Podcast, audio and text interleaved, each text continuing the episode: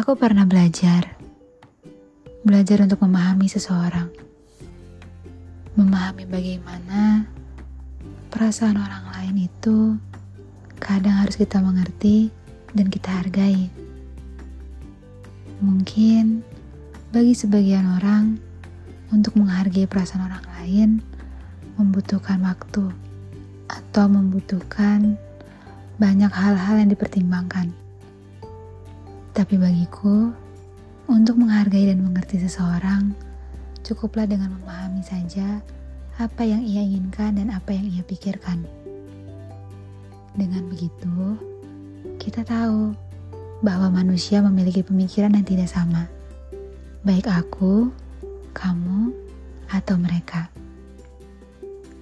Belajar mengerti orang lain sama saja untuk menguji pengetahuan kita Sebagaimana banyaknya kita tahu bahwa manusia memiliki karakter dan sikap yang berbeda-beda, maka dalam menghadapi sebuah masalah, manusia lain tidak sama seperti kita.